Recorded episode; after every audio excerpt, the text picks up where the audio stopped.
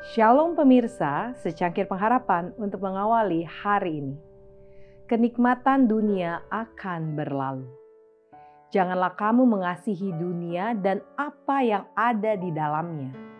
Jikalau orang mengasihi dunia, maka kasih akan Bapa tidak ada di dalam orang itu. Dan dunia ini sedang lenyap dengan keinginannya.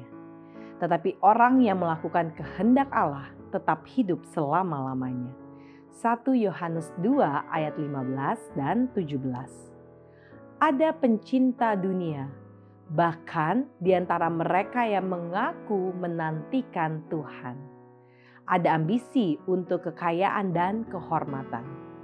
Kristus menggambarkan golongan ini ketika dia menyatakan bahwa hari Tuhan akan datang sebagai jerat atas semua yang diam di atas bumi.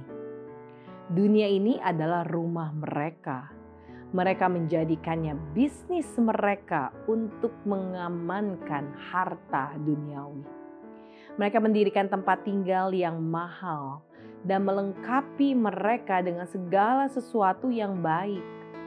Mereka menemukan kesenangan dalam berpakaian dan memanjakan selera Hal-hal duniawi adalah idola mereka.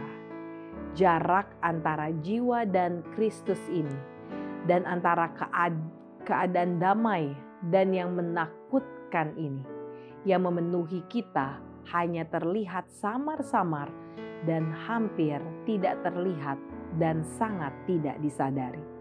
Testimonies for the Church jilid 5 halaman 456.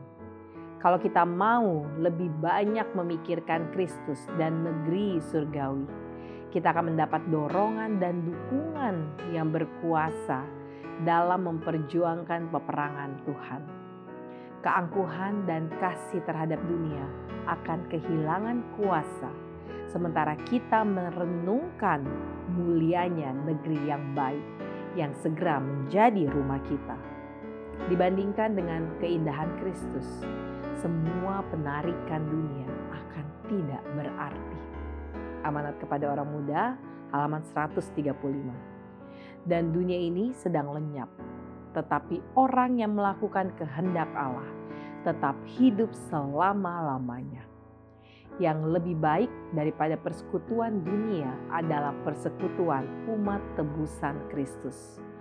Yang lebih baik daripada gelar yang tertinggi di istana dunia adalah gelar yang diperoleh di surga, di mana Tuhan sudah menyediakannya bagi kita. Dan yang lebih baik dari segala perkataan pujian di dunia adalah perkataan juru selamat kepada hamba-hambanya yang setiawan. Mari hai kamu yang diberkati oleh Bapakku, terimalah kerajaan yang telah disediakan bagimu sejak dunia dijadikan seri Membina Jilid 5 halaman 288. Demikianlah renungan kita hari ini. Selalu mulai harimu dengan secangkir pengharapan.